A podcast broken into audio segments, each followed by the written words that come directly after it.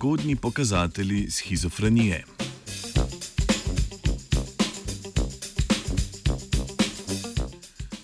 Schizofrenija, možganska motnja, ki povzroča halucinacije, blodnje in kognitivne okvare, se navadno pojavi v mladosti. Medtem ko lahko nekateri znaki kažejo na to, da je oseba v veliki nevarnosti za razvoj motnje, ni mogoče dokončno diagnosticirati te bolezni, dokler ne pride do prve psihotične epizode.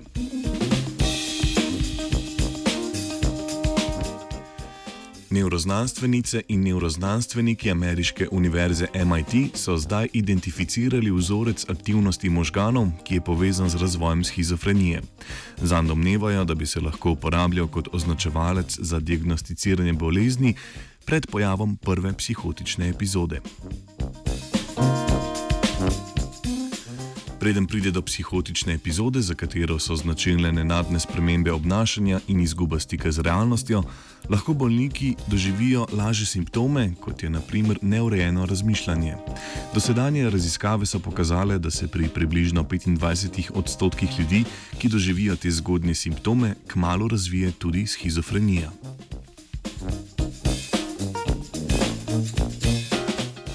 Raziskovalna ekipa je spremljala 158 oseb med 13 in 34 letom starosti, ki so zaradi izkazovanja zgodnjih simptomov bile izpostavljene visokemu tveganju za nastanek skizofrenije.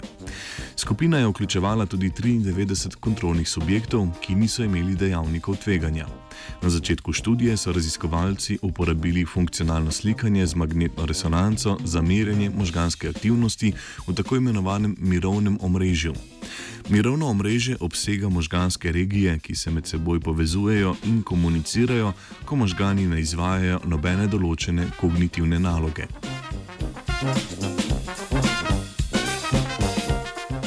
Eno leto po začetnem pregledu je 23 subjektov z visokim tveganjem doživelo psihotično epizodo in bilo diagnosticiranih s schizofrenijo.